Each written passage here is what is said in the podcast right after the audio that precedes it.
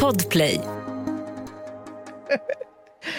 Välkomna till Krimpoddens Krimpodd... Nej. Fy fan! Vi, som en knivskarp leverans. Åh, jag sa det som att jag aldrig hade sagt det förut. Hörde du det? Vilken förvåning som infann sig. Ja. Okej, jag tar den igen då. Välkomna till Krimpoddarnas krimpodd Över min döda kropp med mig, Anna Jinghede och... Lena Ljungdahl. Mm, För bövelen. ja, Lena Ljungdahl för bövelen.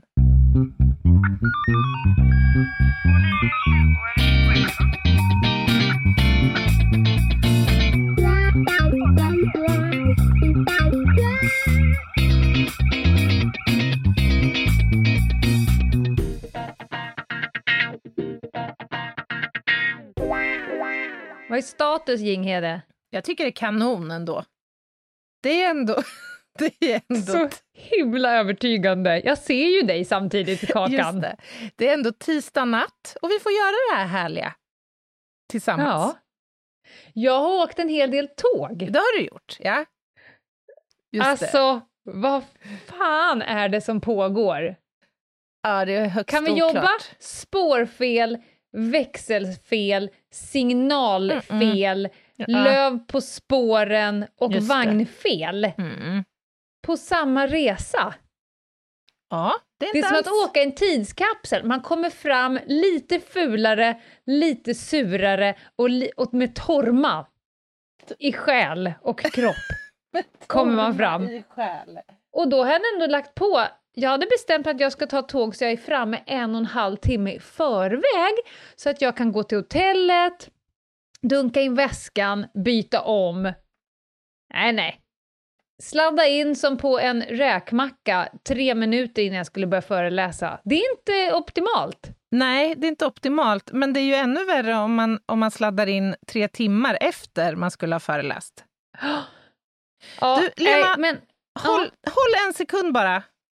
Mm, eh, väldigt stökigt på Jinghedes sida nu. Jag har sett henne fladdra runt.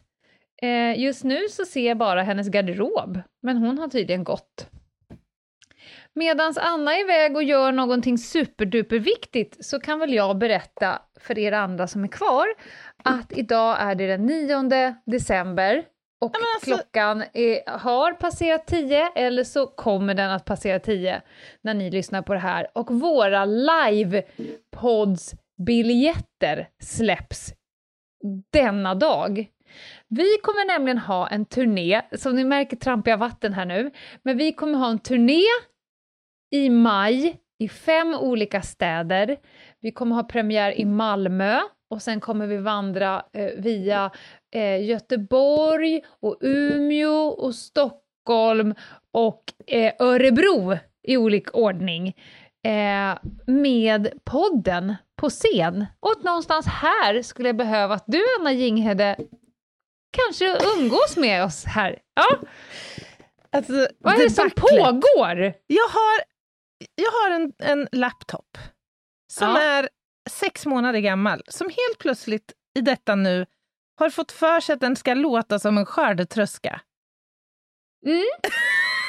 Men nu har jag ju, precis när du har hållit på, så har ju jag jobbat upp våra lyssnare i brygga. Är det sant? Gud, Jag har sagt att biljetterna släpps idag, jag har nämnt de fem olika städerna. Jag har inte nämnt än att ni ska gå in på allthingslive.se och köpa dessa biljetter. Och det är först till kvarn. Mhm, mhm. Nu, Anna Jinghede, tar du vid och förklarar för våra lyssnare vad som kommer hända under den här livepods-turnén. Idag ska vi uppehålla oss kring ett brottsfenomen som i mitt tycke... Va? Ursäkta? Var jag otydlig på något sätt?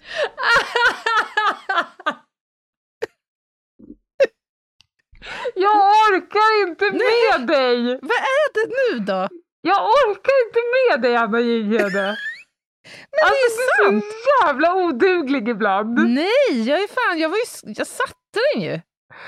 Ja, men om vi bara ska ta och repetera det jag sa. Jag har nu jobbat upp våra lyssnare i brygga och pratat om biljettsläppet och städerna. Vad kommer hända på scenen under den här livepoddsturnén?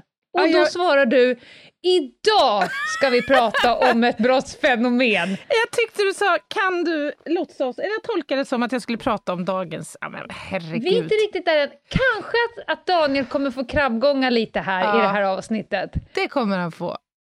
För att de senaste sex minuterna har jag känt mig ganska ensam. Ja, det här kommer ju bli ett kanonavsnitt känner jag. Wow! Vilken, vilken pang! Vilken pangstart alltså! Tänk sen när de kommer göra dokumentärer om oss om sådär 30 år, kanske, någon, någon, kanske lite minnesprogram eller motsvarande. Då, Bra då, hybris nu, Ja. Jinghede. då kommer de prata om våra turnéresor. Är det så? Ja, ja, ja, ja, ja. Six hours later. Nej, men in! In på och köp biljetter nu. Och vad kommer de få se om de kommer till vår livepodd, Anna? Herregud, jag, jag, jag kan inte bättre beskriva det än ett, som ett smörgåsbord av olika härliga delikatesser bara. Gud, så beskrivande. Ja, eller hur? Ja, men allt finns där. Det är Jansson och det är lök på lax och det är Mm. fan och hans moster. Och, och om vi ska översätta det på något sätt så är det ju så att Anna kommer ju uh, lajva någon form av brottsplatsundersökning. Vi är inte helt klara med, eller jag är inte helt klar med hur det kommer se ut.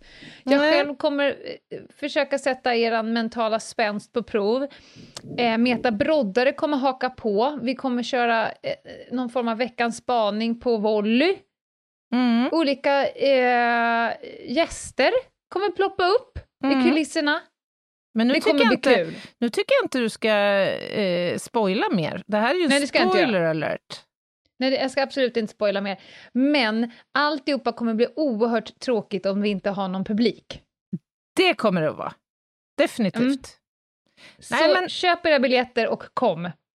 Yes. Nu, Anna! Ja. Vad kommer vi prata om idag?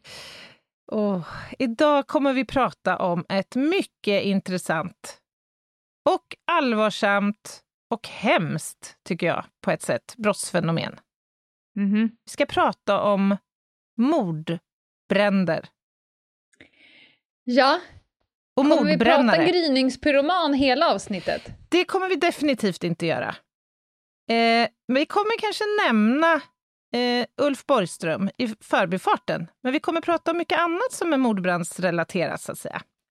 Jag såg hur du liksom backade, du, du backade ur den på ett väldigt snyggt sätt och jag förstår varför vi inte ska prata om gryningspyromanen i den här Mm. podden.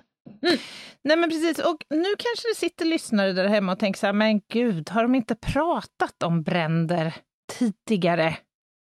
Och det är helt riktigt. Det har vi gjort. Vi har gjort ett eh, elementavsnitt, kan man kalla det det?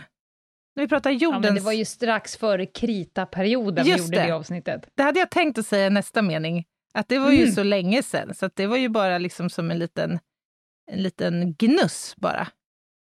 Idag blir det lite part two, lite fördjupning kring fenomenet och ganska köttigt med kriminalteknik. Mm. Vad, vad, har du, vad har du för erfarenheter av mordbränder, mordbrännare? Jag antar att du har kommit i kontakt med fenomenet i din tjänst som spanare. Väldigt lite skulle jag säga. Jag har ju jobbat eh, nästan eh, uteslutande mot organiserad brottslighet såsom narkotikasmuggling, människosmuggling och vapen och mord Mm. eh, och sådär.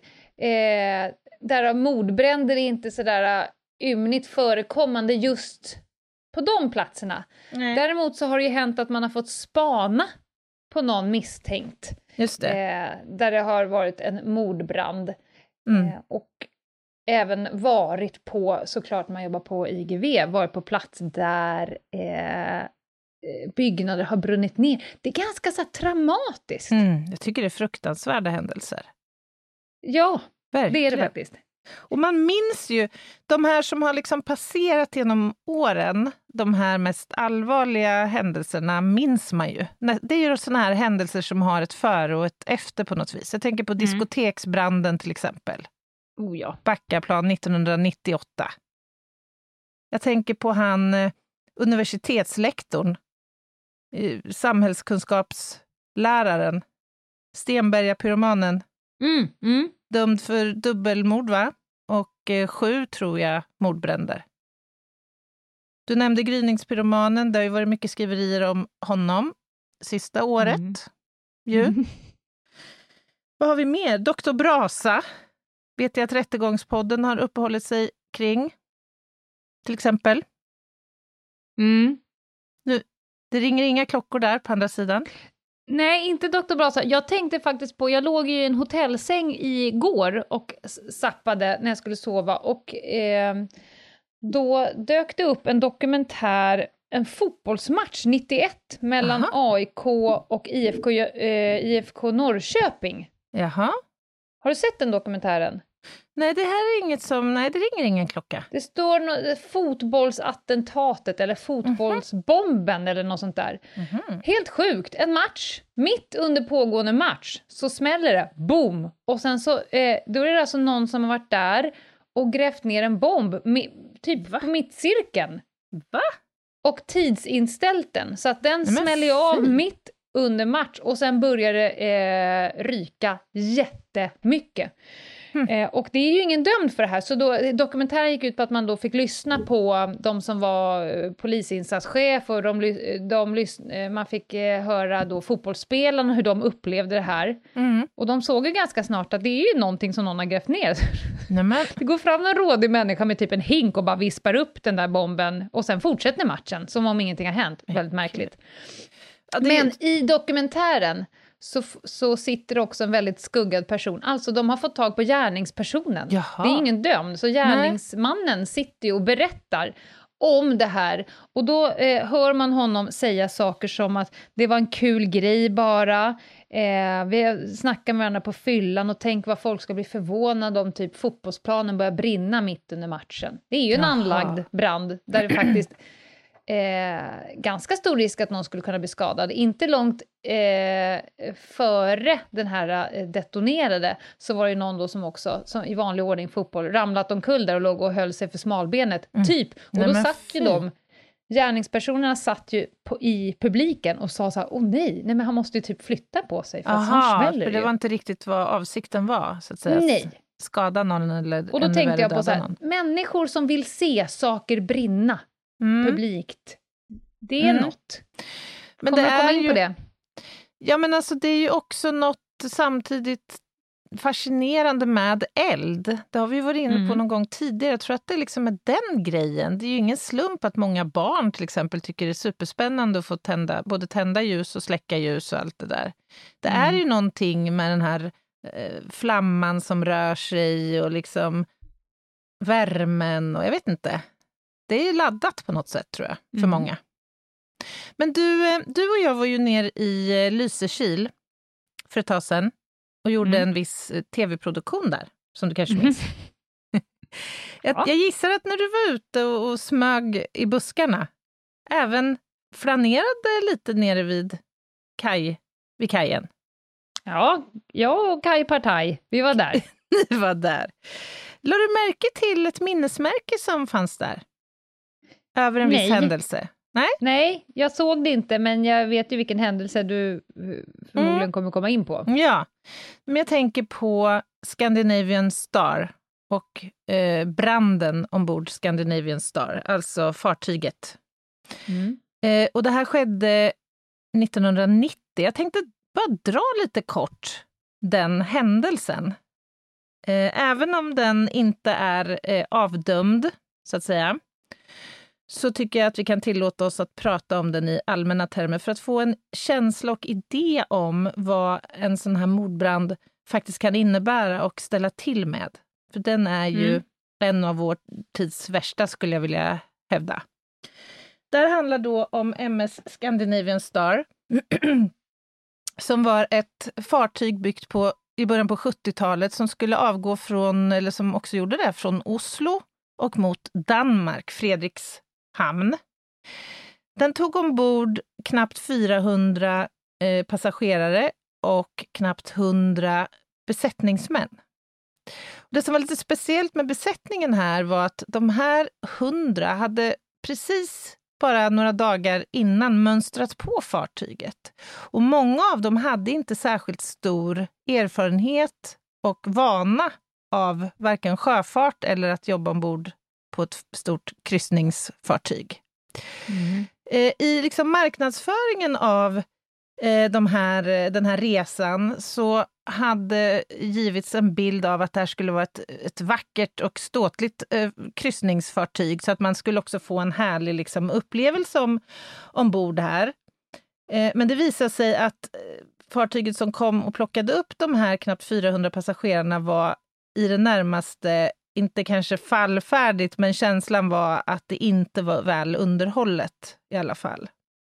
Mm -hmm. Och det här skapade en oro hos vissa av eh, passagerarna redan innan avgång och i efterhand har man kunnat läsa då beskrivningar om samtal som har kommit till anhöriga och eh, hur man har pratat sinsemellan när man har eh, klivit ombord och undrat vad det är för skick på fartyget egentligen. Fan vilken trist känsla att ha när man ja, kliver ombord på verkligen. ett fartyg, att det är ett durkslag egentligen.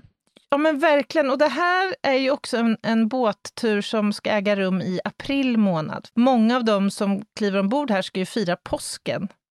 Eh, antingen ombord i någon mening eller då i Danmark som fartyget hade som slutdestination. Och det visade sig snabbt, många klagade här på att hytterna de har fått var inte alls vad de hade betalat för. Det var sunkigt och liksom inte fräscht och helt och rent. Men många i besättningen här pratade inte ens engelska. Besättningspersonalen här var från tio olika länder och pratade massa olika språk, men väldigt få pratade engelska och ingen pratade ju något skandinaviskt språk. Så att liksom redan mm. från start så, så blev det strul här. Så lämnar man Oslo hamn och under natten som kommer så eldhärjas då det här fartyget. Eh, och det som händer är att en första brandhärd eh, tar eh, form i eh, en hög med sängkläder och en massa skräp och mattor som, som har liksom samlats i en hög i en korridor. Och den här högen har uppmärksammats av en person som i efterhand berättar att han såg detta, men gjorde inte då liksom kopplingen till att det var tänkt att den skulle anläggas sen då med eh, brand. Nej, det är inte så lätt att göra den kopplingen. Nej, det är klart att det inte är. Eh, men det vaknar i alla fall folk av att det knastrar och sprakar ute i korridoren här på däck 4. Eh, och Eh, några passagerare lyckas tillsammans att släcka den här branden. Först försöker man då ta andra sängkläder och kväva elden, men det slutar med att man bränner sig på fotsulor och annat så att man överger den idén och hittar istället, man tar sopkorgar från hytterna och fyller med vatten. Mm. Eh, och då lyckas man släcka ut det här. Men det här resulterar ju, även om den här branden då var ganska avgränsad, så resulterar ju det här i stor oro naturligtvis bland eh, passagerare. Eh, jag menar, man förstår att den här är anlagd och det är klart att det då infinner sig en oro om vad som väntar här under senare delen av, av natten. Men befälen här ombord, de lugnar ner situationen de går ut i högtalarna och informerar om att det, har, att det sannolikt bara är fråga om någon form av olyckshändelse. Mm. Senare under natten så uppstår sedan då en, en andra brand och den här ses först på däck 3. Och här var scenariot ett helt annat. Här är det plötsligt ett extremt snabbt och våldsamt då, eh, brandförlopp. Befälhavaren sätter igång brandlarmet som visar sig inte vara välfungerande. Som mm. fungerar bara i vissa sektorer av fartyget. Och människor vaknar helt enkelt inte. Eh, och röken från den här branden sprider sig otroligt snabbt, beskrivs det i efterhand. Alltså på, på bara sekunder så är röken så tät så att man inte ser liksom handen framför sig. Man uppmanar då i högtalarna här att man ska krypa, lägga sig ner på golvet och försöka krypa under brandgaslagret och försätta sig i, i säkerhet. Och det är alltså naturligtvis fruktansvärda scener som, som utspelar sig här.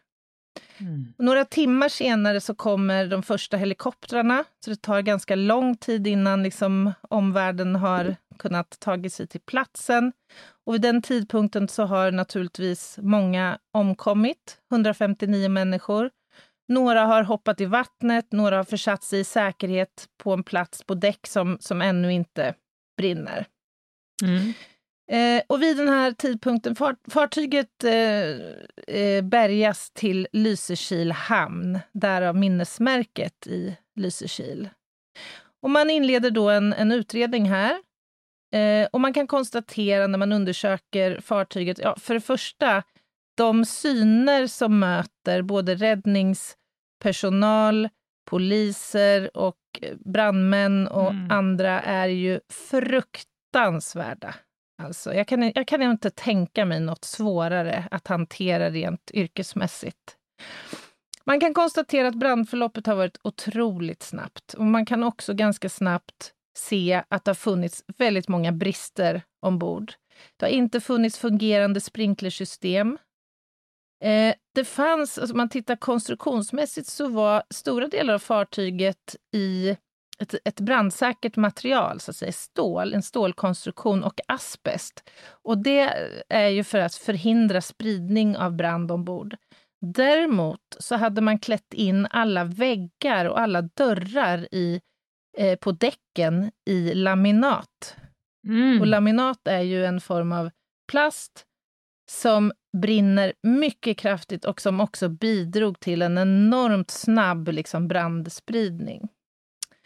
Eh, det visade sig vid utredningen att brand hade inte den här andra då, eh, stora, större branden hade inte startat på våning eller på däck 3, utan faktiskt på ett obebott våningsplan.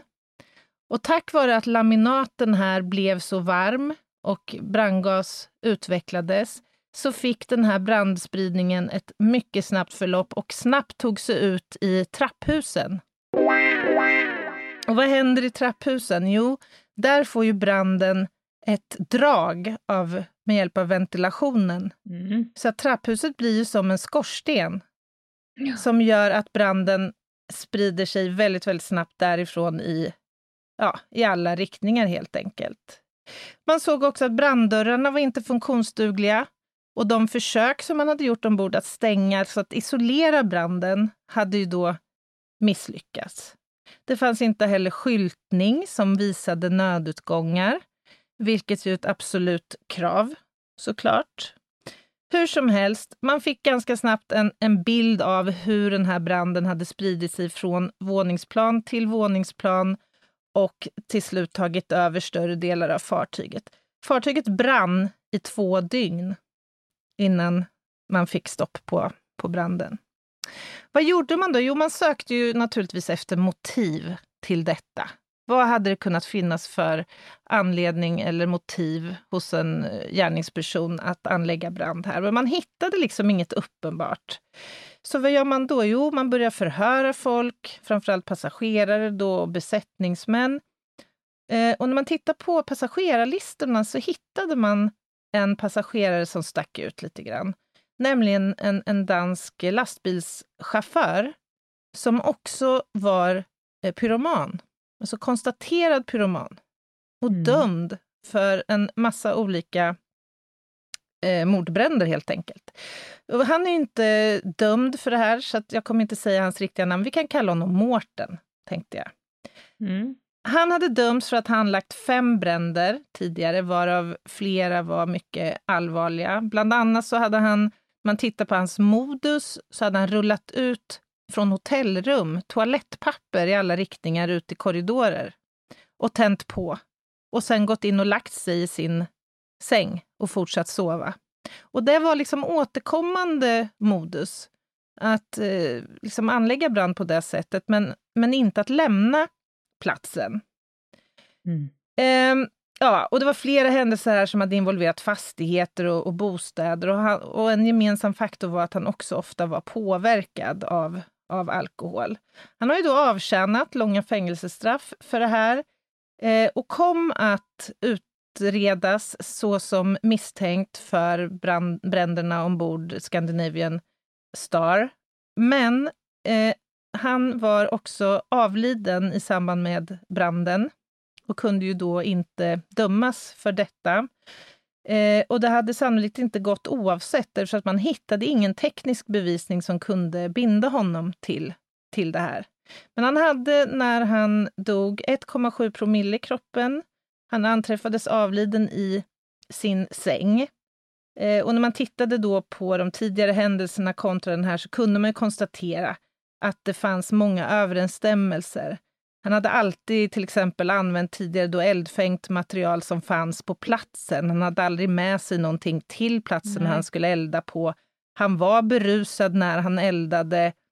Eh, att, att han hade blivit avvisad av både arbetsgivare och kvinnor var såna här faktorer som återkom och det vittnade även kvinnor som var med på fartyget om hade Den skett. upplevda kränkningen återigen. Exakt. Mm. Ehm, ja, och, och det fanns ett vittne som också beskrev att man hade sett eh, Mårten köpa tidningar som sedan aldrig eh, anträffades. Och det, detta skulle då ha skett på, på bo, båten. Man har också utrett andra, både besättningsmän och eh, passagerare. Alltså den här utredningen har levt återkommande sedan detta hände 1990. Men ännu idag så står det då oklart vad det var som faktiskt hände. Jag tror den senaste utredningsinsatsen stängdes ner 2016. Mhm. Så att eh, frågan är om vi kommer någonsin få veta vad som orsakade alla dessa människors... Ja, vad som orsakade deras död vet vi, men hur och varför och av vem. Mm. Det här är ju otäcka händelser. Så Ja, är det ju. Mm. Och eh, man kan ju aldrig föreställa sig upplevelsen att befinna sig i ett eldhav, ett inferno av brand och människor och eh, svart rök. Och det, tar ju, det kan ju ta i värsta fall bara liksom några andetag innan du Mm. förlorar medvetandet och blir så pass omtöcknad så att du överhuvudtaget inte kan försätta dig i, i säkerhet. Så det här är... Ja, vi kommer flagga lite brandskyddstips på slutet av det här avsnittet, så stanna kvar och lyssna på dem skulle jag vilja rekommendera. Du har ju jobbat som FU-ledare, Lena, och jag antar att det här med motiv är lite av din, din grej, höll jag på att säga. Motivet är ju viktigt i alla Ja. brottsutredningar, så även vid mordbränder. Ska vi gå igenom bara den eh, grundläggande juridiken bakom mordbrand? Är det, Det kan vi nu göra. eller sen? Det kan vi göra nu. Ja, bara för att ni ska vara med. om det, vi, vi har pratat ju om det tidigare för några veckor sedan när vi pratade om explosiva, eh, alltså, explosiva varor och bomber och granater. Men i 13.1 brottsbalken, där finns i alla fall mordbrand. Eh, eh, om man anlägger en brand och det innebär fara för någon annans liv eller hälsa eller omfattande förstörelse av egendom. Och det är ganska, eh, det är ett grovt brott, alltså två till Mm. åtta års fängelse i straffskalan. Pratar vi grov mordbrand, då är det från sex år och faktiskt hela vägen upp till livstid. Mm. Och för det här brottet så är det också eh, straffbart med på eh, försöksstadie och förberedelsestadie och stämpling. Mm. Och när jag säger de här sakerna nu så reflekterar jag också att vi skulle behöva ha ett avsnitt om försöksbrott, förberedelsebrott, stämpling, medhjälp, eh, anstiftan, för det kanske ni kan höra, den här personen är dömd för anstiftan till mord. Försök till och så vidare. Men i alla fall, det, det, är ett tecken på att brottet är ganska grovt och sett till mordbrand så skulle man kunna se en förberedelse till mordbrand skulle kunna vara till exempel att anskaffa bensin, anskaffa tändstickor och göra det med syfte att mm. anlägga en sån här brand. Och på försöksstadiet skulle man kunna säga att om du grips på plats vid en byggnad, eh, du kanske till och med har hällt ut bensinen, men du blir gripen innan du tänder tändstickan, då blir det då försök mm. mordbrand.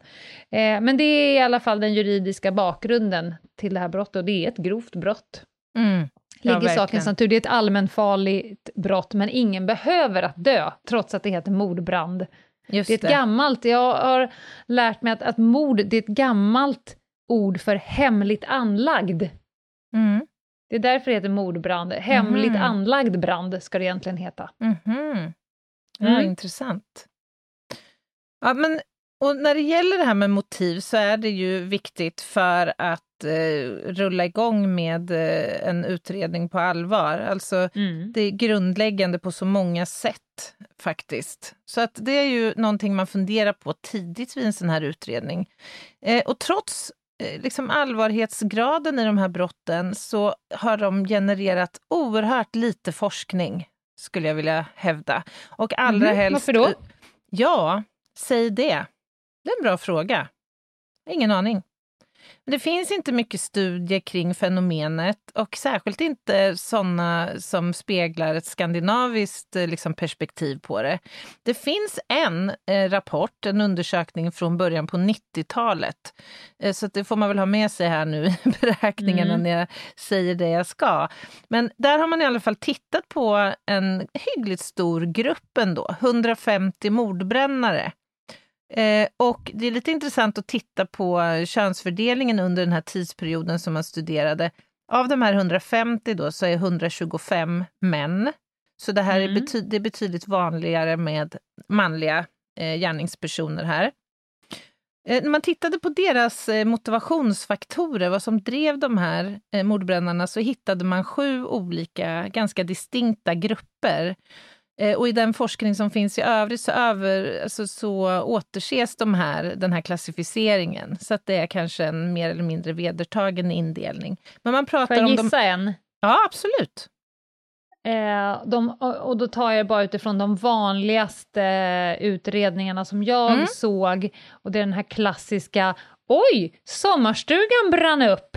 Och sen så vill man då pumpa ut försäkringsbolaget på massa pengar och så kan man bygga ett nytt fräscht hus på sin Just tomt det. när jag så olyckligtvis blev, blev av med min lilla sommarstuga.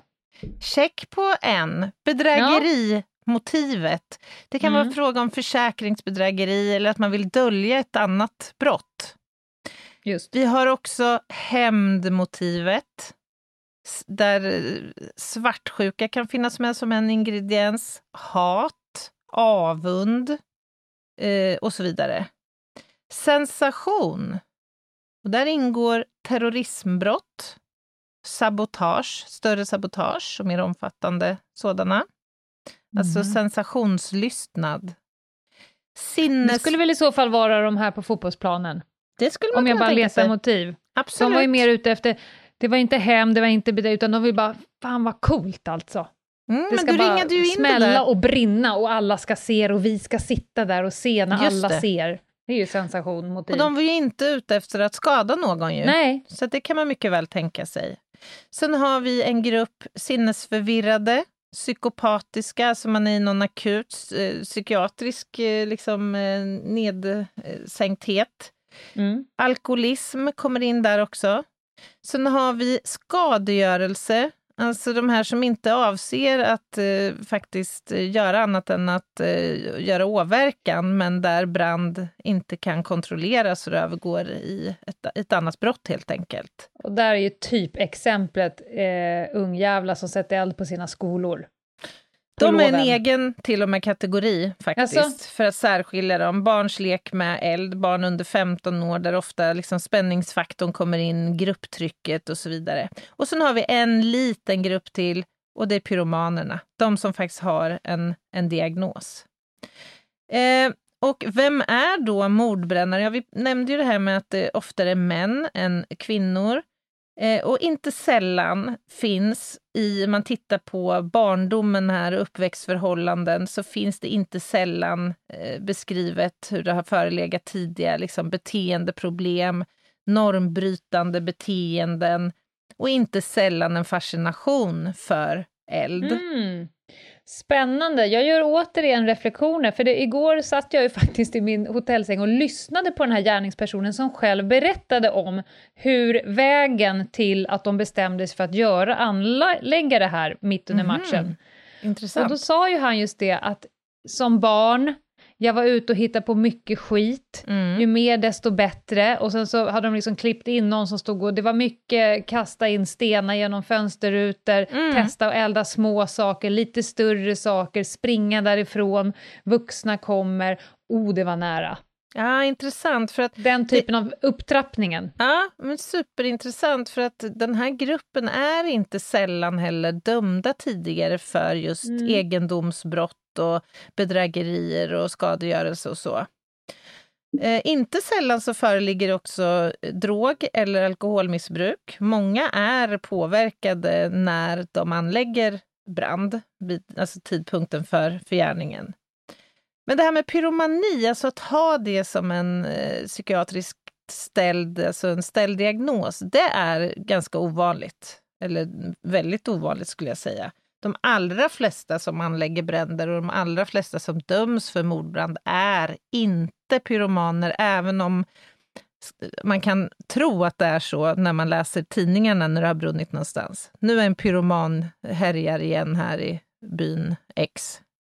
Men det finns väl också hur många filmer på det. Någon eh, tänder eh, en eld och sen så eh, sveper kameran och så lyckas alltid gärningspersonen stå där på andra sidan avspärrningsbandet och titta med fuktig Mm. blick på sin egen brand. Den Mm. filmen har gjorts 400 gånger. Ja, det känner man igen temat på, ja. Mm. Jag håller med. Jag nämnde att det är en psykiatrisk diagnos, va? Eh, Ja. Så det här kräver ju då en noggrann liksom, eh, psykiatrisk kartläggning helt enkelt och utredning av individen för att kunna ställa den diagnosen. Det är alltså en form av impulskontrollstörning det handlar om. Eh, liksom till exempel kleptomani eller spelberoende ingår i samma grupp också. Så att man har svårt att kontrollera sig helt enkelt och sina eh, impulser att elda. Eh, inte sällan så saknas ändå tydliga motiv för de här personerna. Eh, och orsakerna till varför då en viss eh, grupp människor väljer att återkommande elda är inte helt klarlagt. Man, man har föreslagit att det här kan ge en kick till belöningssystemet. Vad tror du om det, Lena? Den teorin? Ja, att det skulle ske någon form av utsöndring av dopaminer och endorfin och oxytociner, kanske av att se det här. Mm, Alltså serotonin. all form av beroendeproblematik, om man då pytsar på, sett om det är spel, sex, knark eller tutta på en eld, så kickar det ju igång ditt belöningssystem om du är lagd åt det hållet. Mm. Ja, det är en teori bland flera i alla fall. Ja. Men du, innan vi går in på hur man kan avslöja en mordbrännare, ska vi inte ta en liten paus? Let's do it. Ett poddtips från Podplay. I fallen jag aldrig glömmer djupdyker Hasse Aro i arbetet bakom några av Sveriges mest uppseendeväckande brottsutredningar. Går vi in med hemlig telefonavlyssning och, och då upplever vi att vi får en total förändring av hans beteende. Vad är det som händer nu? Vem är det som läcker? Och så säger han att jag är kriminell, jag har varit kriminell i hela mitt liv men att mörda ett barn, där går min gräns. Nya säsongen av Fallen jag aldrig glömmer på Podplay. Välkomna tillbaka, kära lyssnare. Det är krimpoddarnas krimpodd och idag så lyssnar vi på Anna när hon lotsar oss igenom eh, mordbränder och nu kommer vi komma in på kanske mer kriminaltekniska då, hur kriminaltekniker jobbar i en utredning för att kunna avslöja en mordbrands gärningsperson, en, bro- en mordbrännare. Mm. Nej, men först och främst kan vi väl säga att det här är otroligt svåra utredningar många gånger. Alltså när det rör eh, andra typer av våldsbrott, så att säga, då återfinns ju inte sällan en gärningsperson i offrets liksom, närhet. Så är det inte i de här fallen. Alltså den som utsätts för, låt säga att någon får sitt eh, hus anlagt och det brinner mm. ner, så är det inte så vanligt att man hittar förövaren i offrets liksom, närhet. Så att här är det ofta svårare liksom att kartlägga. Det är alltså inte så vanligt med en relations... Eh, alltså att det finns en koppling mellan gärningsperson och offer. Offren är helt Sen ligger det väl också lite i sakens natur att det är svårt att utreda. Allt brinner ju upp. Ja, men så är det ju. Men, men här är ju problemet att de här offren är ju betydligt oftare helt enkelt slumpvis liksom utvalda mm. kontra när det är någon som man känner och det, någon utsätts för, för våldsbrott helt enkelt. Och visst är det så som du säger att rent tekniskt så är det ju väldigt svårt också på grund av att väldigt mycket spår helt enkelt brinner, brinner upp. Och undersökning av de här platserna kriminaltekniskt blir ju ofta väldigt centralt för att försöka hitta någonting som liksom kan leda utredningen eh, framåt. Och jag kan ärligt säga att när man kommer till de här platserna så tänker man ibland att herregud, hur ska vi kunna hitta någonting? Var ska vi börja? Ja, var ska vi börja? Och hur ska vi kunna hitta någonting på den här platsen som överhuvudtaget är liksom intressant för utredningen? Och dessutom, hur ska vi kunna hantera den här farliga platsen? Det händer att vi kommer ut och man måste först och främst försäkra sig om att det inte ligger någon spänning, någon ström kvar över platsen, mm. där man sen har bemängt med massor med släckvatten och som vi sen ska kliva in i. Inte sällan så står det någon murstock liksom kvar i grunden och så här som ett lutande torn i Pisa liksom står och gungar lite snyggt. Mm. Eller att vi måste stompa upp takbjälklaget för att kunna överhuvudtaget gå in på platsen utan risk för att det ska fara ner över oss. Och så här. Det, här är, det här är svåra och kom, komplicerade platser kriminaltekniskt. Mm. Eh, dessutom är de ju kolsvarta, bokstavligen talat. Så att, att få till bra foton på en sån här plats, att kunna se vad man gör, är liksom en konst i sig. Mm. Eh, och dessutom är det ju förenat med stora hälsorisker att vistas på en sån här plats. Så att, ja, här blir det ju ofta stora luftpaketet och liksom allt skydd man kan tänka sig. Det är också viktigt när man kommer till de här platserna att man har en hygglig koll på hur ett normalt brandförlopp ser ut och beter sig.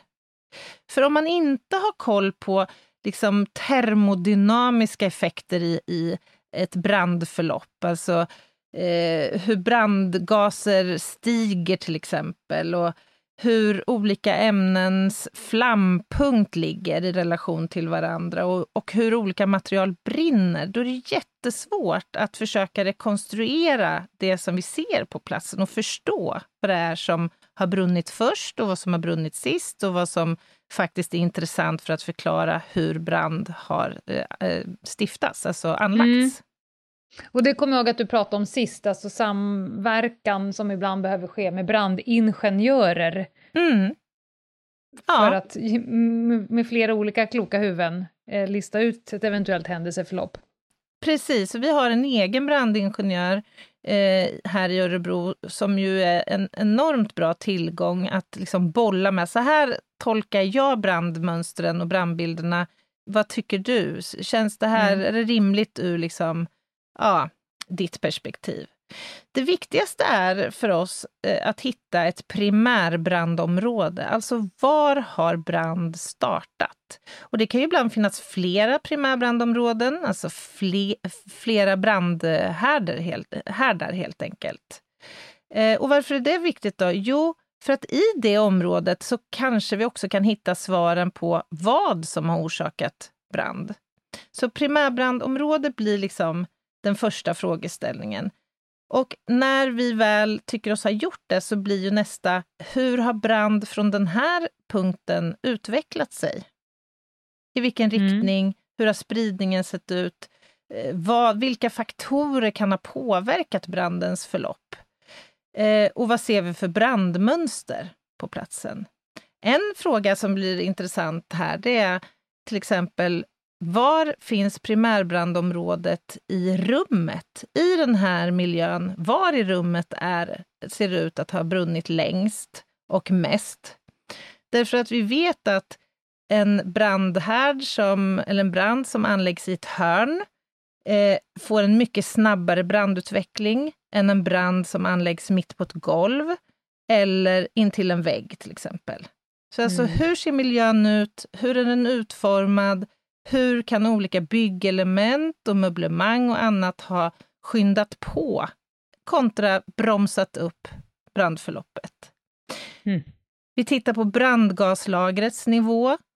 Hur mycket brandgas har varit utvecklat på den här platsen när släckning inleddes? Det ger oss också en uppfattning om hur långt i brandförloppet som, som brand har kommit, om det inte liksom har övertänts och bara är liksom en ruin kvar när vi kommer till, till platsen, för då är vi ganska rökta kan jag säga.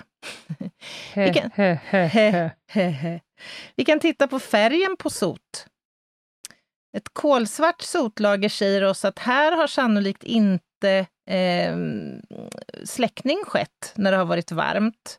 För om släckning har skett när det har varit varmt så kommer sotet att bli ljusare i sin färg. Så det kommer se liksom mer ljusgrått ut. Och kanske till och med lite så här eh, rappat, eller vad jag ska säga, av det hårda, den hårda vattenstrålen. Ja, okej. Mm. Och det blir också viktigt för att förstå att här har det nog kylts ner ganska snabbt, så att säga. Brandskuggor då? Vad har du? Har du något på brandskuggor, Lena? Ingenting. Brandve känner du igen, va? Begreppet? Ja, Ja, kvasten. kvasten, ja men det är bra. Eller plymen om man vill.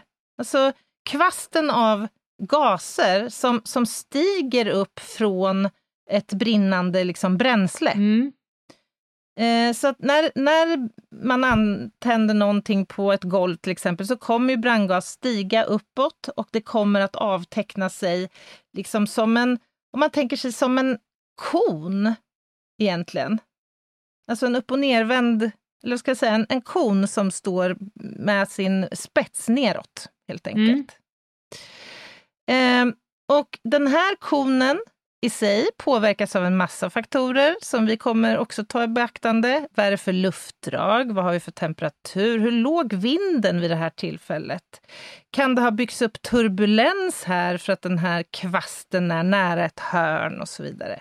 Så bara genom att studera den här, den här brandgasen som har spridit sig upp längs en vägg så kan vi få ganska mycket information. Vi kommer att mäta vinkeln på det här brandvet som, kan, som också kan ge oss en idé om hur snabbt det här brandförloppet har varit.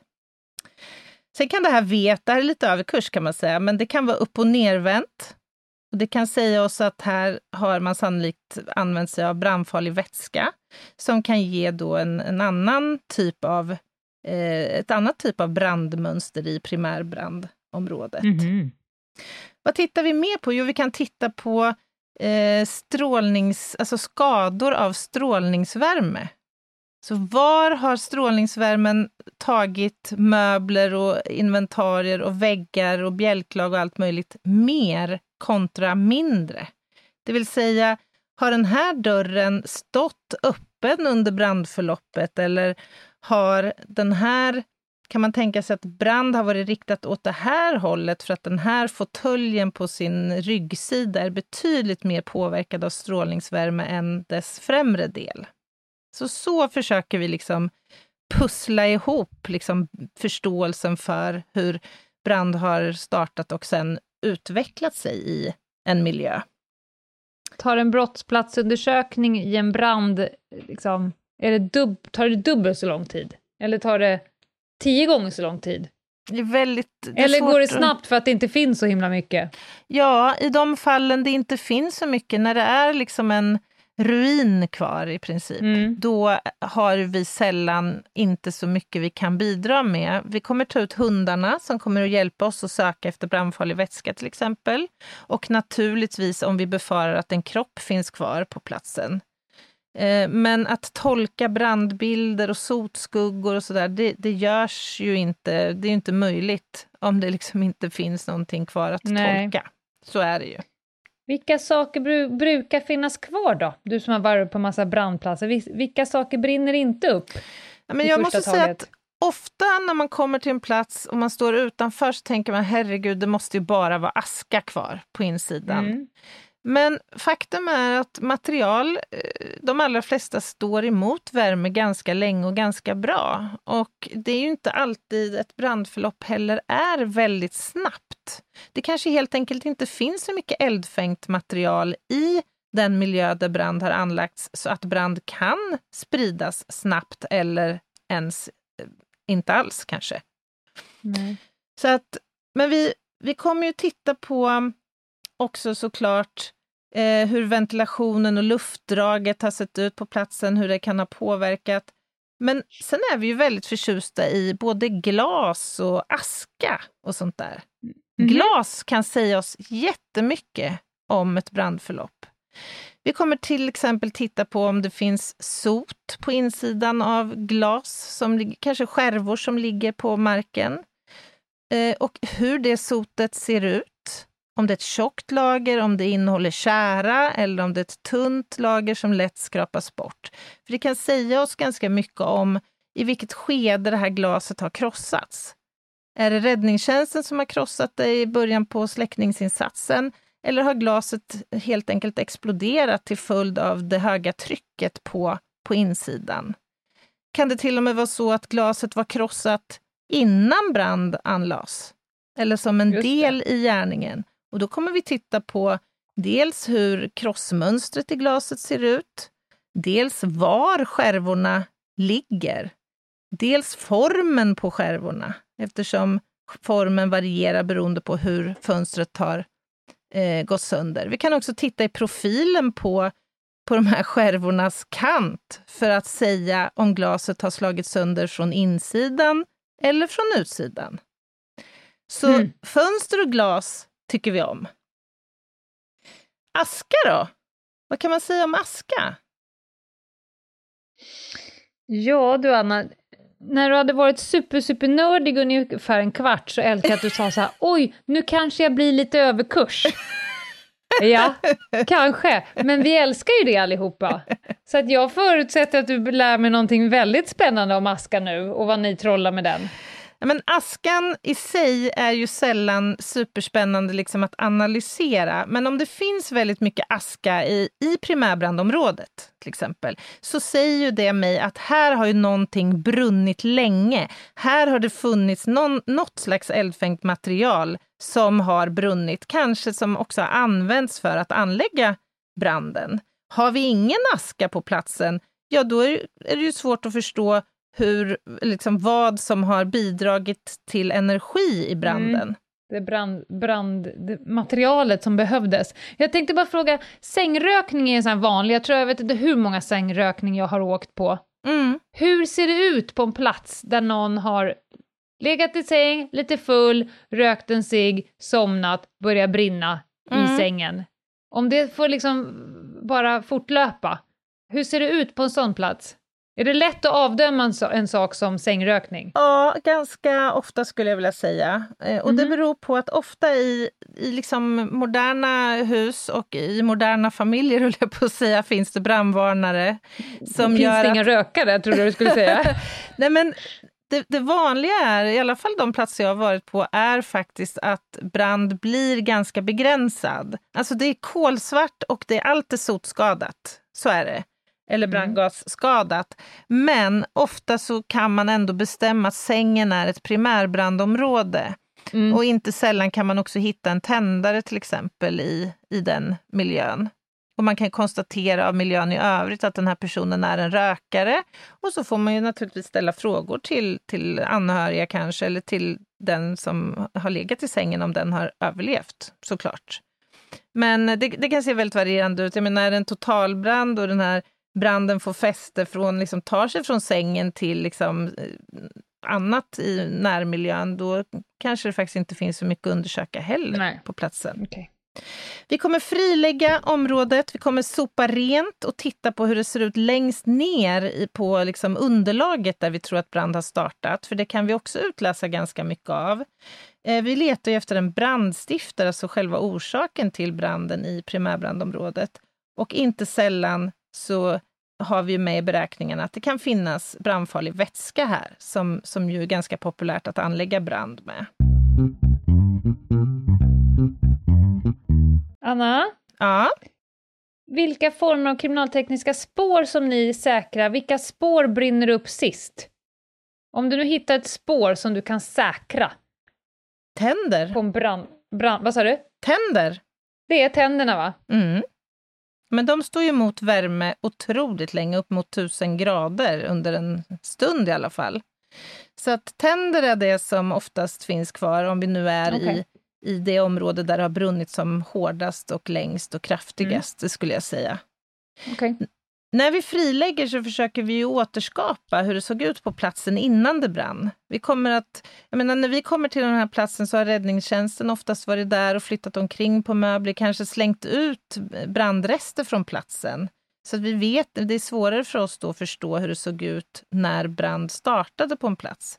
Men om vi frilägger golvet så att vi sopar bort all aska, allt bråte, så kan vi ofta faktiskt utläsa ganska mycket från liksom, underlaget. Brandfarlig vätska till exempel, det brinner ju ganska, det ger en ganska specifik, eh, ett specifikt brandmönster. För om du tänker att du häller ut brand, eller brandfarlig vätska och sen så tänder du på ångorna av vätskan, mm. så kommer det främst brinna i utkanten av den här pölen.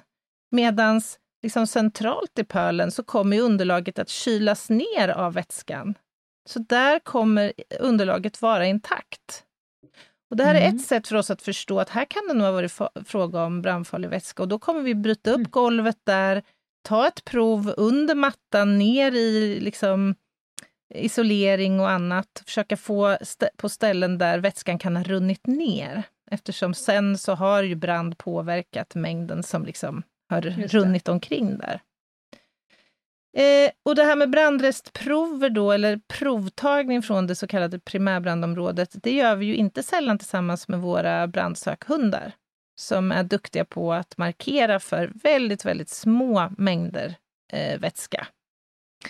Eh, sen kan det vara för stora mängder så att hunden liksom eh, inte kan differentiera vad som är liksom vad här. Och dessutom kan det ju vara en miljö, man, det kanske är en villa där det har stått en eh, grill på nära primärbrandområdet där man har haft tändvätska eller andra brand, kemikalier och brandfarliga vätskor som kan försvåra. Men vi tar alltid, skulle jag vilja säga, prover i ett primärbrandområde för att om inte annat utesluta brandfarlig vätska. Är en person kvar på platsen eller man misstänker det så kommer vi åka ut med kriminalsakhunden eh, som kommer förhoppningsvis hjälpa oss att hitta eh, någon mänsklig kvarleva i alla fall. Har det brunnit väldigt länge och väldigt hårt så är det här jättesvårt naturligtvis. Mm. Eh, och då är hunden till stor hjälp. Eller våra forensiska ljuskällor för att leta efter eh, skeletterade delar som kan finnas kvar. Eller tänder till exempel. Vad är, det, är, det någon, är det någon särskild lampa som ni har till just det? Nej, det är samma blåa ljus som vi använder ja. för att eh, påvisa biologiska besudlingar till exempel. Men mm. Eh, det har vi ju, tror jag, pratat om tidigare, att våra vävnader, många av dem fluorescerar eller avger en luminescens som kan detekteras med ögat. Ja.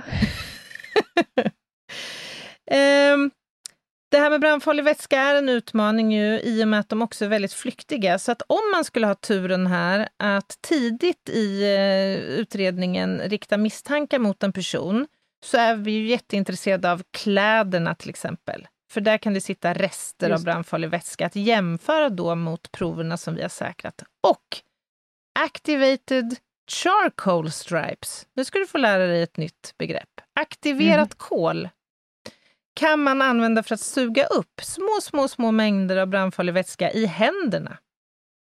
Om mm -hmm. det mhm. sker snabbt efter ett gripande. Ja, så om du har hanterat eh, sån här brandfarlig vätska så är det ganska troligt att du har det åtminstone på dina egna kläder och kanske även på din hud om, om man är snabb dit. Jag menar, det, alltså, det här skvätter ju ofta, i alla fall om man häller ut från en dunk eller från en flaska. Mm. Så det är nästan omöjligt att inte få det på sig, eh, faktiskt. Det är ungefär som att tanka bilen. Det är ta Ja. fan omöjligt att tanka bilen utan att man luktar bensin eller diesel av händerna när man kliver in. Ja. Mm. Men fördelen om man har haft en flaska eller en dunk, det kan ju vara att, här att man häller ut på det här området man vill tända på. Sen går man iväg med flaskan upp och ner. Och vad händer då? Jo, då kan det rinna ut några droppar en bit bort från primärbrandområdet som vi sen kan se ett brandmönster av. En, en, en rak linje brukar det vara över en matta till exempel.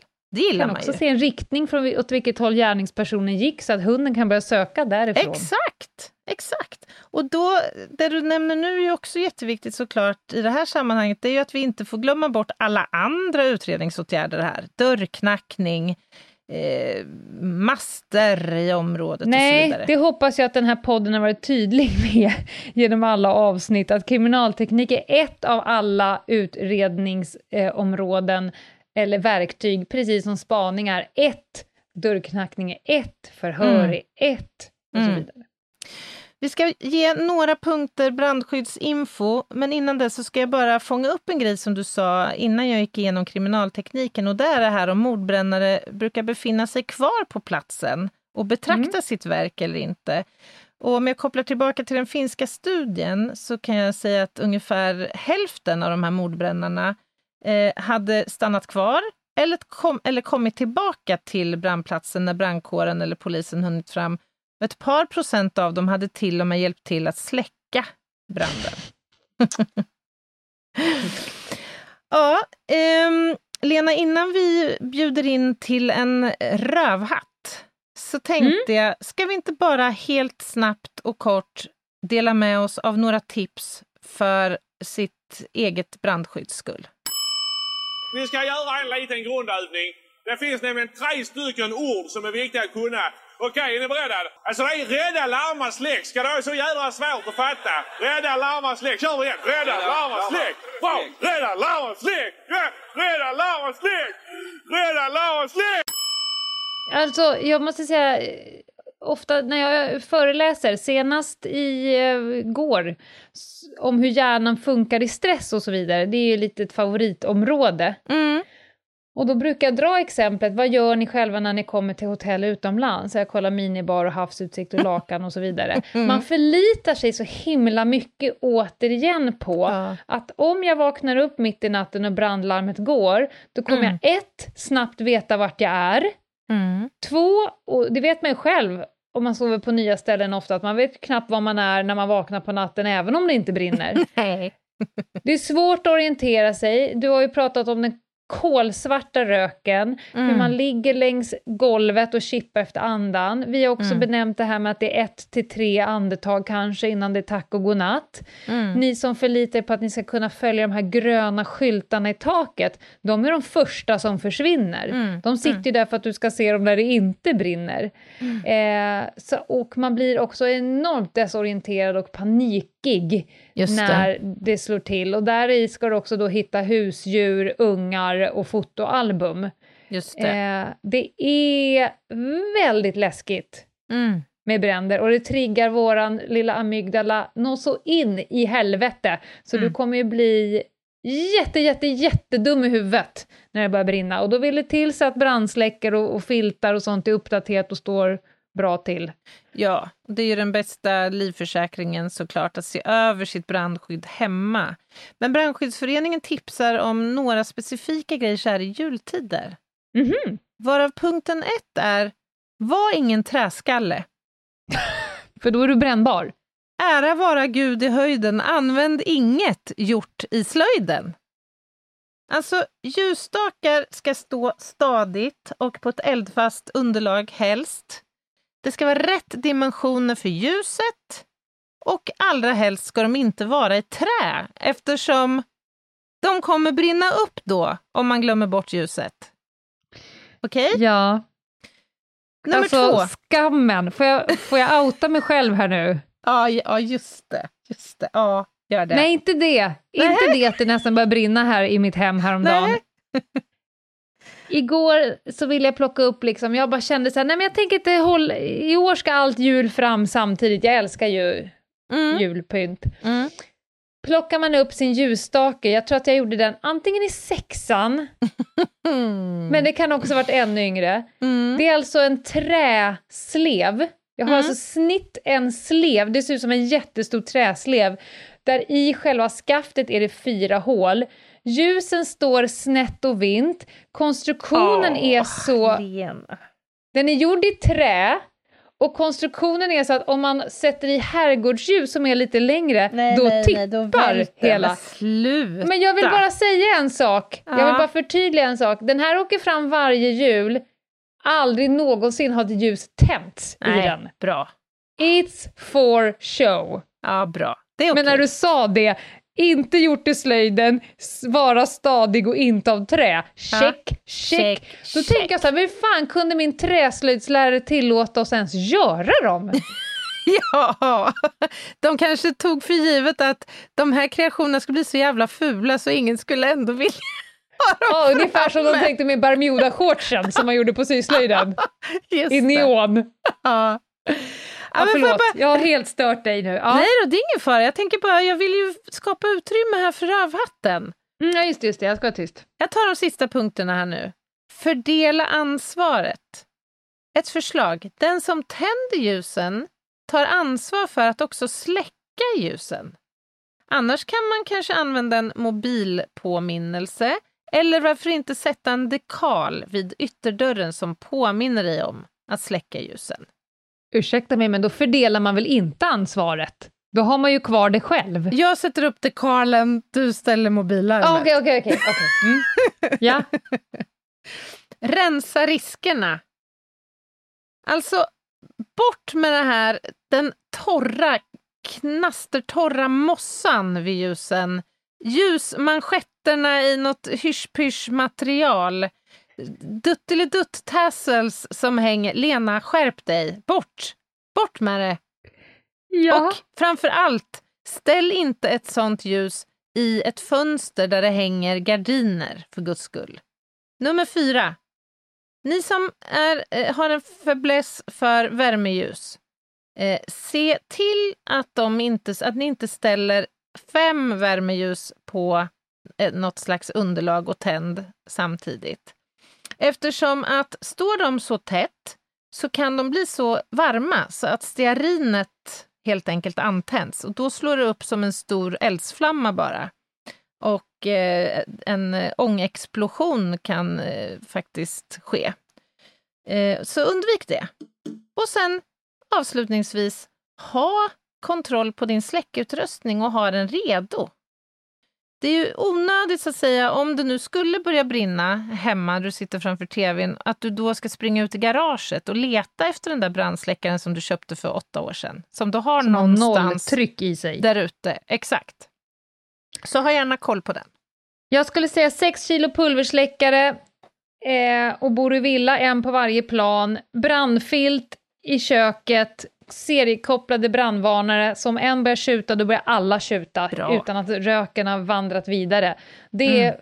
ta mig fan i mig årets julklapp varje år till de som inte har det. Mycket bra, Lena. Mm. Nu så, vi har ju betat av en del samhällsinfo.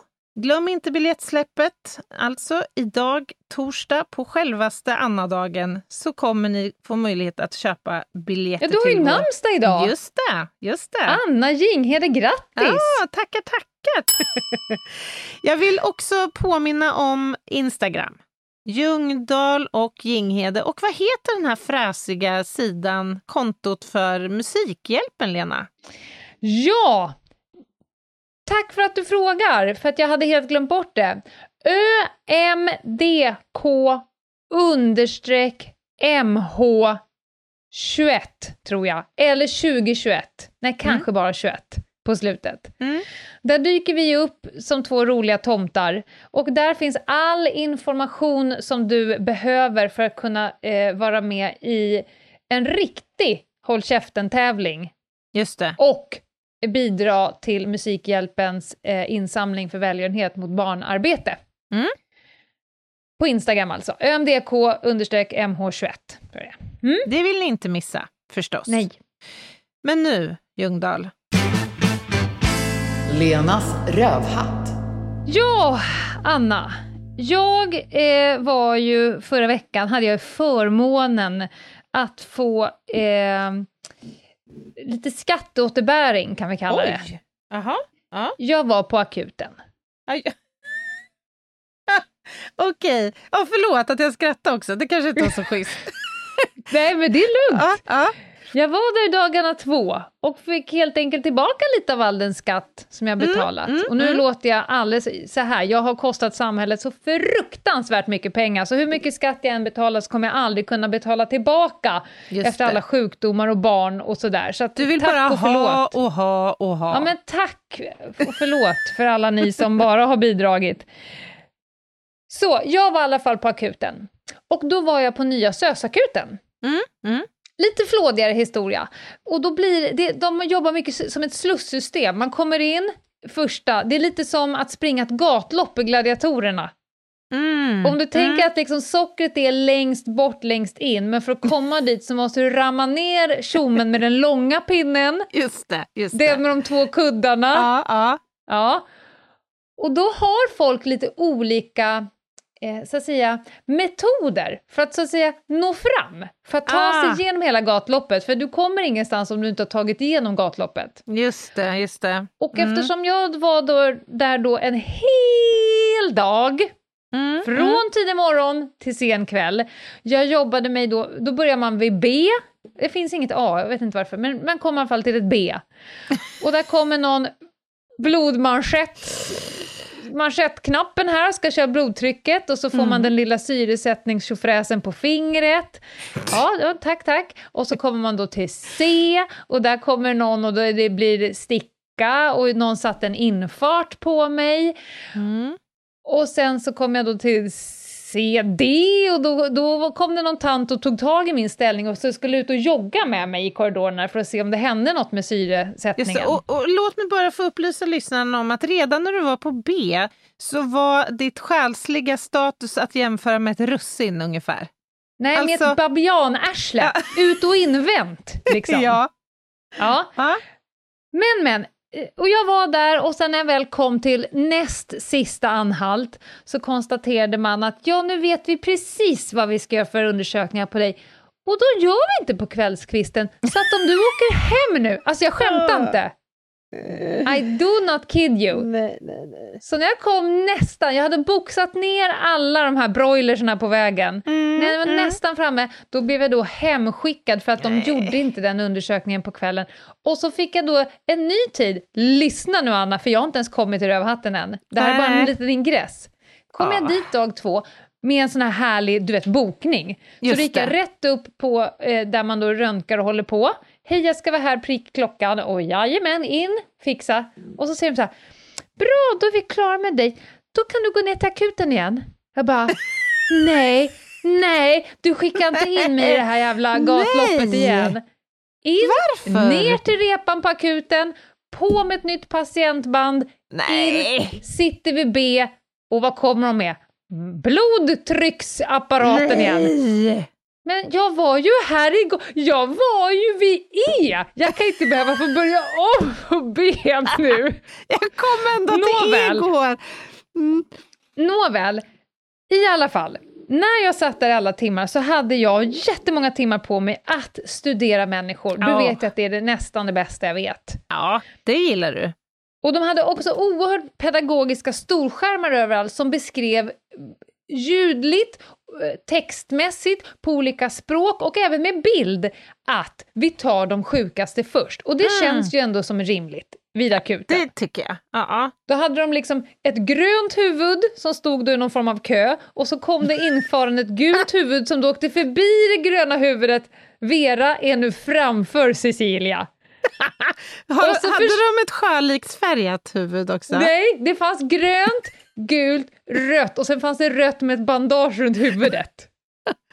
Jävla pedagogiskt! Jäklar. och sen precis att man tittar, och så när han såg att den gröna precis nästan framme, då kom det typ fem. De, hade, de, hade inte spar, de sparade inte på krutet, Nej, utan nej. då har de målat in fem röda huvuden Ja, som kom det. då framför den gröna. Ja, och då, det. det här är ju en bildlig beskrivning för att jag var den gröna. Mm, mm, mm. Jag var inte döende, Nej. Eh, jag var ditskickad av eh, vården som sa att vi tror att du har djup ventrombos, helt enkelt. det var därför jag var där. Eh, mitt ben var hårt, varmt, stelt och pumpade och gjorde ont. Just det. Alltså blodpropp i benet. Mm. Men jag var, de hade koll på min uh, syresättning och allt så. Men i alla fall, jag bevittnade då människors eh, metoder för att fuska sig fram i Ah. gatloppet.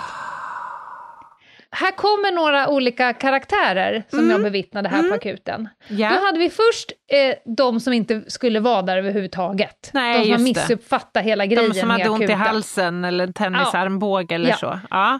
De ja. som gick dit med en halv sjukdom och gick därifrån med tre för att de får skylla sig själv. För att de liksom blev exponerade i flera timmar. Det kan de ha bara. Ja, det, det tycker jag faktiskt. Du kom dit med en halv halsfluss och gick därifrån med RS-virus och gonorré. Mm, typ. mm, typiskt. Sen har vi också, och det här är inte bara de som fuskar, men det här är liksom olika karaktärerna. Vi har den skojfriska. Ja, Den här som... Den här skärmar som sig in. nej, Eller? Den här som säger till sköterskan, eh, oj sköterskan, kommer jag, kommer jag kunna spela piano efter det här? eh, ja, jo men det tror jag inte skulle vara något problem. Gud vad bra, för det har jag aldrig kunnat innan. Nej, men sluta! Om, man, men fan, om man ens har sinnesnärvaro att formulera något liknande, Eh, då kan man ja. inte vara särskilt sjuk. Vänta du. Sen har vi ju den, den tydliga simulanten. Ja. Den som jag bevittnar ligger och spelar spel, pratar telefon, trycker i sig en räkbaguette i Mm. blixtens hastighet och så närmas en person i vit rock och bara ja, just det. Jag har så Hur lång tid fruktansvärt... har jag kvar? Alltså, då menar inte länge inte, om du frågar mig alltså. då menar de inte innan man får träffa en läkare, utan i Kommer livet. köra en säga. choke på dig alldeles strax. Ja. eh, sen har vi eh, den här, eh, alltså var en tant som låg framför mig väldigt länge, henne önskade jag livet ur till slut. Hon var så oerhört arg, hon sa så här, hur lång tid tror ni att det kommer ta innan det är min tur? Mm, Ja. just det. Var på en läkare eh, sa att ja, det är helt omöjligt att veta. Eh, och så pekade hon på tvn med alla de här huvudena som eh, for Ja. omkring. Så vi, vi vet ju inte vad som är på väg in, men vi har koll på dig och sådär. Vi har inte glömt bort det, men det är ju helt omöjligt att veta. Ja, men det är ju helt osannolikt att ni inte har någon form av indikator Just på det. hur lång tid det här kan ta. Ja, nej, det här är ju akuten. Okej, då säger tanten så här, men okej, om det inte skulle komma in några alls, när är det min tur då? Mm. Ja, ja då, då är det ju de här, det är ju de här du ser, och så pekar hon runt, det låg ju liksom folk på britsar överallt. Ja, ja, ja. ja, ja. Och då sa hon så här, ja, då får jag det till sju. Hur lång tid har ni på Ja, varje ungefär? Sluta! Men Vad trodde hon att hon du? var på ett spa eller? Vad är det Och då säger frågan läkaren så här, ja, det är någonstans mellan fem minuter och fem timmar på varje Ja, kanske men det här. var ett rimligt svar ändå. Ja, och då säger hon så här, okej, 10 gånger 5, då är det i alla fall max 50 timmar. Ja, säger läkaren, men då har du ju glömt att det kan ju komma in vem som Ja, helst också. En busslast med skadade. Och då säger kärringen, men jag har väl annat för mig än att ligga här? Nej, men, Var på läkaren bara, men då, och jag kommer, det var då jag smsade dig, då säger Ja. läkaren så här, vet du vad, då tycker jag att du ska göra de sakerna nu. det är ett klockrent svar, faktiskt. Men för fan, ge mig ett buntband som jag kan strypa åt någon vital del på den här kärringen alltså. Men jag älskar ju också lä- alltså, vo- vo- Vore det inte ändå bättre om läkarna svarar genomgående? så? Alltså, de tar i så de håller på att spräcka mjälten och säger så här, ja, nej, det är omöjligt att säga, men inom två veckor så har du kommit in i alla Ja. fall. Nej, men till slut, och den här läkaren, det var också hon som jag fick sen. Eh, Ja. så. Men hon blev ju bara argare och till slut så sa hon så här. Ja, nu har jag i alla fall lagt ungefär 20 minuter på dig, så när du har kommit fram till ditt räkneexempel, då får du lägga på 20 minuter till för sådana som dig. Otroligt. Ja. Otroligt. Nej, men alltså rövhatterier eh, på akuten, det var det jag ville Ja. komma fram till. Eh, att det fanns väldigt många olika typer av sätt. Och eh, rövhatteriet i sig, att bygga upp det som ett gatlopp. Men det, eh, det finns ju Ja. säkert en tanke med det. Jag har bara inte förstått den. Men det är nog egentligen för att just kunna snabbare göra en prioritering. Liksom. Ja. Så.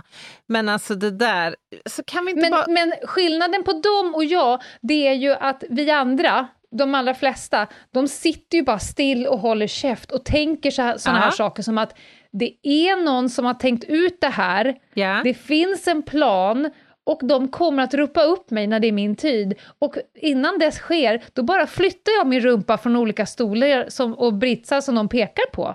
Ja. Jag kommer ju inte dö i aku- på akuten. Nej, det, det ska ju mycket till. Det, då får man ju ändå utgå från att du hade varit en röd sån där figur Ja. på skärmen. Ja. Ja, nej, men alltså överhuvudtaget det här att tycka ens egna behov är mycket, mycket viktigare än någon annans och inte lita på processen. Det är ju ett Mm. rövhatteri. det är Då det. behöver man inte åka till en akutmottagning om man är så frisk så att man orkar fundera kring det, tycker jag. Helt enig. Åh, ja, tack Lena! Mm, varsågod. Hur går vi vidare härifrån? Säger vi bara kort och gott hej då? Vi säger så här att det är eh, live på Instagram på lördag. Det det. brukar vara runt halv tolv. Vi kanske flaggar på Insta om det blir någon ändring. Och på lördag kommer vi att göra en ganska spännande unboxing. Ja, ja I det liven. Mm, mm, Det kan vi väl säga. Absolut. Och så hörs vi på måndag igen. Det gör vi. Glöm inte att köpa biljetter. Bye! Bye! Lena, blev det väldigt nördigt det här avsnittet? Eh, ja.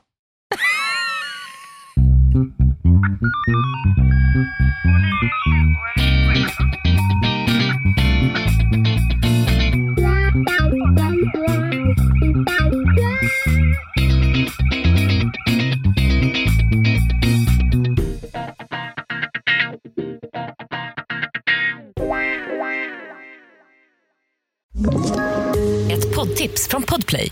I podden Något Kaiko garanterar östgötarna Brutti och jag, Davva, dig en stor dos skratt. Där följer jag pladask för köttätandet igen. Man är lite som en jävla vampyr. Man har fått lite blodsmak och då måste man ha mer. Udda spaningar, fängslande anekdoter och en och annan arg rant. Jag måste ha mitt kaffe på morgonen för annars är jag ingen trevlig människa. Då är du ingen trevlig människa, punkt. Något Kaiko, hör du på Podplay. Därför arkadeinerna.